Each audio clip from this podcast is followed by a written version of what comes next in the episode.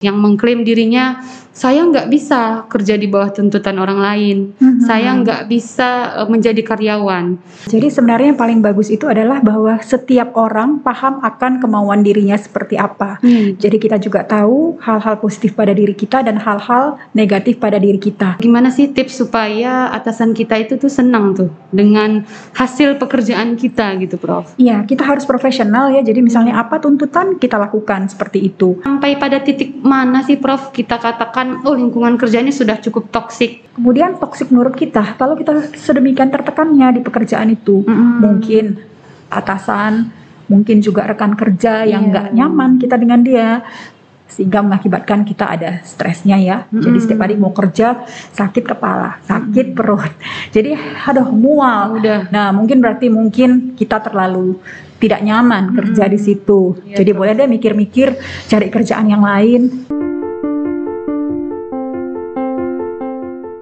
Assalamualaikum warahmatullahi wabarakatuh. Salam sejahtera, salam sehat jiwa. Hari ini untuk kesekian kalinya hadir bersama kita Profesor Dr. Dr. Elmeida Effendi, Magister Kedokteran Spesialis Kedokteran Jiwa Konsultan, hadir dalam podcast PP Ansietas PDSKJI. Prof, hari ini masih belum bosan ya Prof ya? Mudah-mudahan belum. Iya. Jadi terima kasih nih Prof sebelumnya masih mau kembali lagi ke podcast kita. Dan untuk episode kali ini nih Prof, kita akan membahas mengenai stres di tempat kerja nih Prof. Ya, Jadi kita bakal bahas sedikit tentang tips dan trik menghadapi pimpinan yang rewel. waduh. ya. Jadi Prof boleh ya kita langsung Prof. Ini Ya. kan eh, pernah ya Prof ya, ada beberapa orang nih Prof yang mengklaim dirinya saya nggak bisa kerja di bawah tuntutan orang lain, Mhm. saya nggak bisa eh, menjadi karyawan. Eh, itu sebenarnya benar atau gimana Prof? Apa perasaan dia saja atau dan itu bisa diubah nggak? Gitu Ya, Prof. jadi sebenarnya yang paling bagus itu adalah bahwa setiap orang paham akan kemauan dirinya seperti apa. Hmm. Jadi kita juga tahu hal-hal positif pada diri kita dan hal-hal negatif pada diri kita.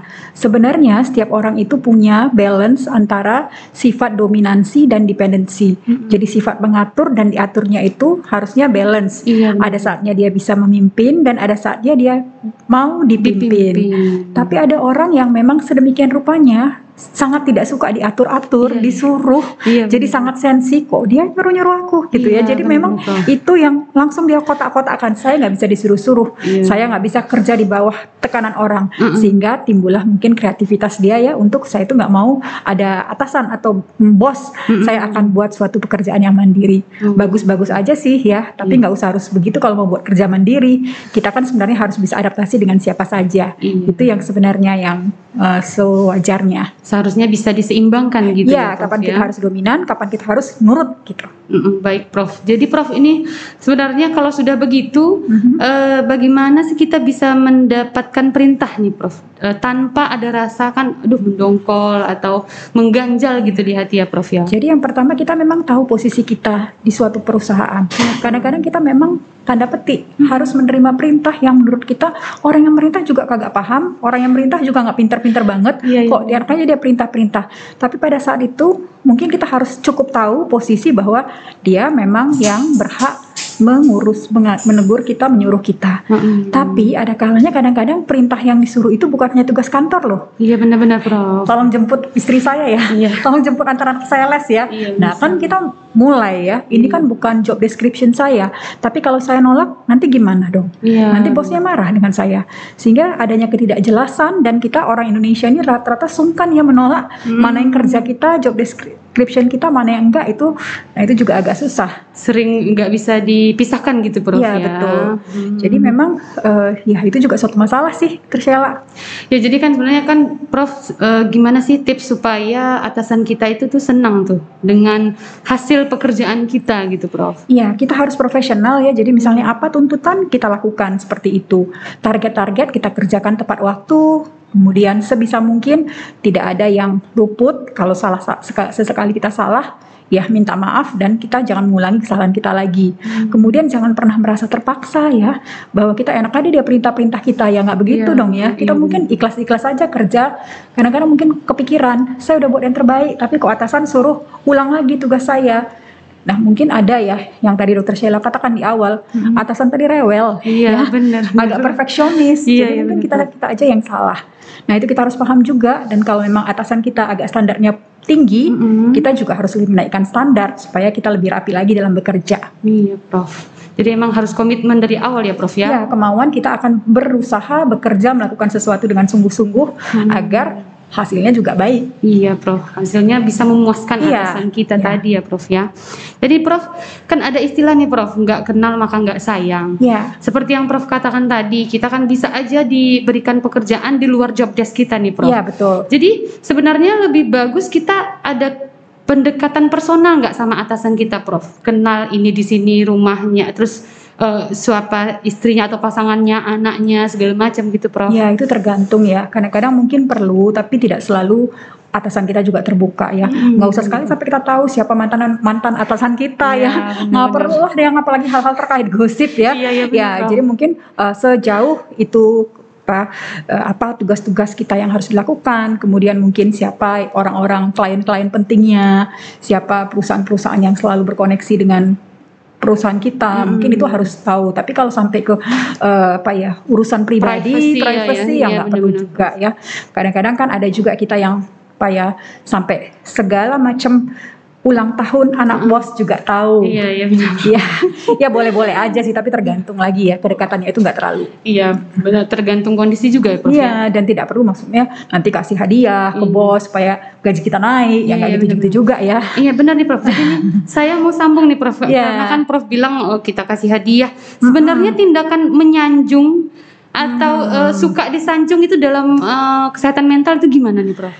Kalau suka menyanjung itu boleh-boleh aja, tapi jangan terlalu apa ya. Ada istilah yang kita sebut itu istilahnya hmm, kita apa ya membuat orang itu nyaman ya dengan Hmm. dengan eh, sanjungan kita Kita, gitu ya.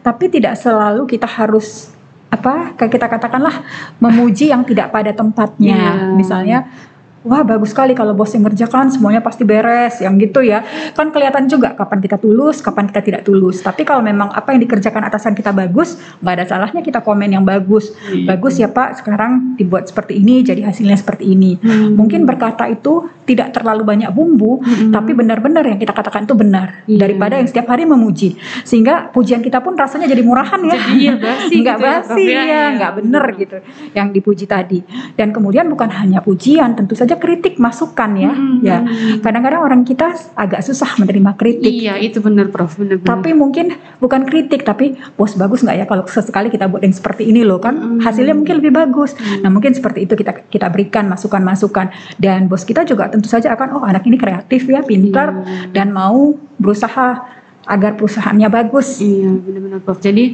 eh, intinya mungkin komunikasi juga lebih dibaguskan. gitu dan ya, lagi-lagi Prof, ya. komunikasinya jangan yang kesannya fake ya, yang Iya. palsu, yang basa-basi, kan Iya. kelihatan ya. Iya iya benar-benar Prof. Jadi nih Prof tadi kan masalah fake juga nih Prof. Mm-mm. Eh, jadi kan kalau tadi kita berusaha terlalu menyanjung nih atasan. Iya. Ada satu kasus lagi nih Prof, kita memang aduh entah kenapa nggak suka gitu atau nggak bisa nerima atasan gitu Prof.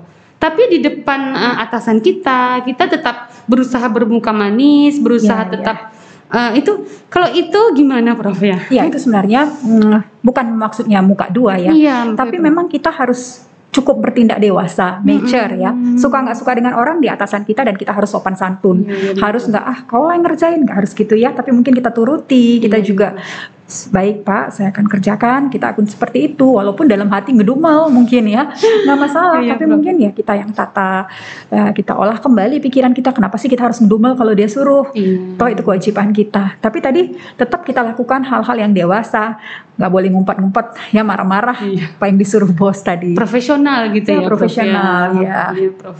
Jadi Prof, misalnya sudah sudahlah kita cerita tentang tips dan trik. Sampai pada titik mana sih Prof kita katakan oh lingkungan kerja ini sudah cukup toksik saya nggak bisa bertahan di sini gitu. Kan ada tuh. Iya, Oh, iya. Gitu Prof. Iya. Jadi standar orang itu berbeda-beda dalam mendefinisikan toksik atau nggak toksik suatu lingkungan juga ya. Prof. Ada orang yang sedemikian sensitifnya, Mm-mm. ditegur bos satu hari udah ah aku nggak bisa nih, langsung nggak tidur, Hmm. langsung rasanya putus asa. Wah itu yang nggak Iya. benar dianya ya, dirinya yang terlalu sensitif. Iya, Prof. Jadi sebenarnya ada hal yang wajar kalau kita sesekali ditegur bos kita ya. Mm-mm. Uh, uh, jangan langsung sakit hati. Nah, kapan dikatakan toksik? Ada beberapa orang ya tadi standarnya juga beda-beda. Iya, Tapi. Secara umum yang dikatakan toksik kalau misalnya perundungan atau pelecehan seksual udah di mana-mana. Hmm. Jadi mungkin kita kaget ya, Iya, iya, gitu betul. masuk semuanya saling pegang-pegang, raba-raba. Hmm, iya. Kita yang nggak biasa gitu mungkin bingung, tapi Iya. orang nganggap kadang-kadang orang menganggap kamu sih naif banget. Iya. Nah, itu juga ya. Kita kita punya standar kriteria seperti apa? Iya. Apakah kita bisa menerima dunia itu atau tidak? Hmm. Kalau memang rasanya tidak bisa, ya udah kita Hmm. cari lagi. Tapi kalau ya toh cuman gini-gini nggak sampai begini-begini, ya beda-beda ya. Iya. Ya lanjut misalnya seperti itu. Kemudian kalau tadi eh, pekerjaan itu sebegitu overloadnya, Mm-mm. pekerjaannya yang segitu banyak numpuk tapi harus dikerjakan secara sesingkat-singkatnya. Mm-mm. Kalau nggak kita kena marah, potong Iya. gaji. Wah setiap hari potong gaji ya sama aja ya kayak sama aja. kerja Rodi, Prof. Iya, emang gitu juga kita pikir itu toksik atau enggak Iya. atau kadang-kadang tanda petik lagi tadi kita kerja sama suaminya, tapi istrinya marah-marahin kita selalu, nambah-nambahin tugas. Oh, iya, iya, Sekali Prof. dua kali sih oke, tapi 15 kali dalam Satu dua minggu, iya, dua minggu. ya nggak bener lah ya. Iya, Iya, iya, bener, mungkin kita boleh pikir lagi. Kemudian toksik menurut kita, kalau kita sedemikian tertekannya di pekerjaan itu, Mm-mm. mungkin atasan, mungkin juga rekan kerja yang nggak nyaman kita dengan dia, sehingga mengakibatkan kita ada stresnya ya. Jadi Mm-mm. setiap hari mau kerja sakit kepala, sakit perut. Jadi aduh mual. Udah. Nah mungkin berarti mungkin kita terlalu tidak nyaman kerja di situ. Iya, Jadi Prof. boleh deh mikir-mikir cari kerjaan yang lain. Iya iya benar-benar Prof. Jadi jangan juga memaksakan ya Prof ya. Iya. Karena saya bekerja, saya butuh uangnya. Jadi didiamkan saja walaupun ada pelecehan, ada perundungan Ya, macam. tetap kita berhak mencari yang terbaik dengan kita. Hmm. Namun tentu saja kita jangan terlalu pilih-pilih ya. Iya benar-benar. Baru- tamat fresh graduate kemudian mau gaji yang gede Sekian, ya kadang-kadang iya, kita langsung mikir lah gaji segini gimana balik modalnya Betul. tapi pekerja apa pengalaman kerja itu penting juga tentunya Iya Prof. Mm-mm. Jadi Prof, ini sebenarnya tips dan trik kalau yang saya tangkap nih Prof, seharusnya bisa diseimbangkan Mm-mm. kapan kita harus mendominasi, kapan juga kita harus menerima perintah gitu Prof. ya betul Jadi ada tips dan trik lain nih Prof sebelum kita akhiri podcast hari ini Prof.